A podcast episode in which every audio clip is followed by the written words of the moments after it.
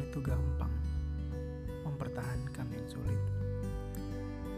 Buat saya ini masih kurang tepat. Mungkin yang beranggapan seperti itu, mereka belum pernah terluka karena kenangan.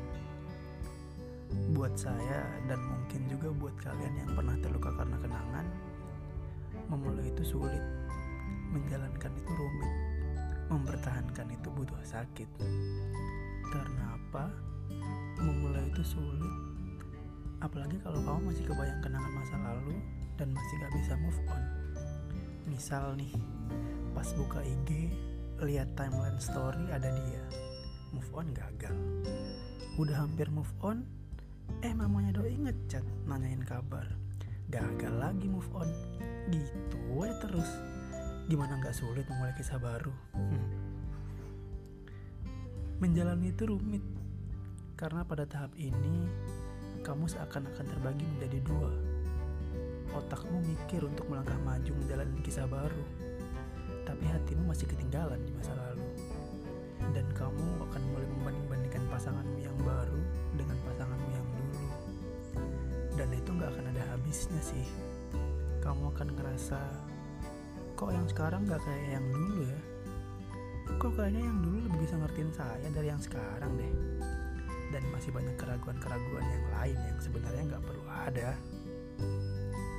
mempertahankan itu butuh sakit. Karena dalam tahap ini kamu butuh pengorbanan untuk sebuah hubungan.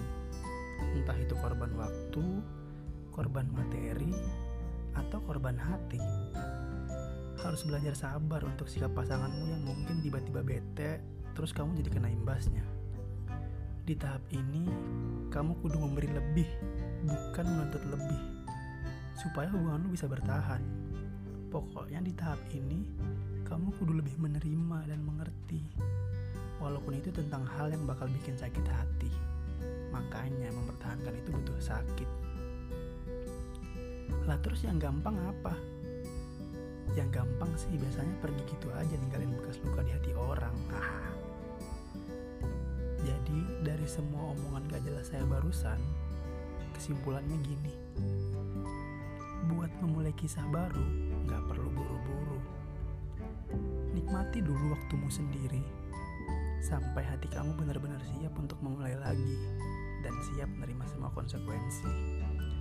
Karena percuma kalau kamu memulai kisah baru, tapi hati kamu masih ragu.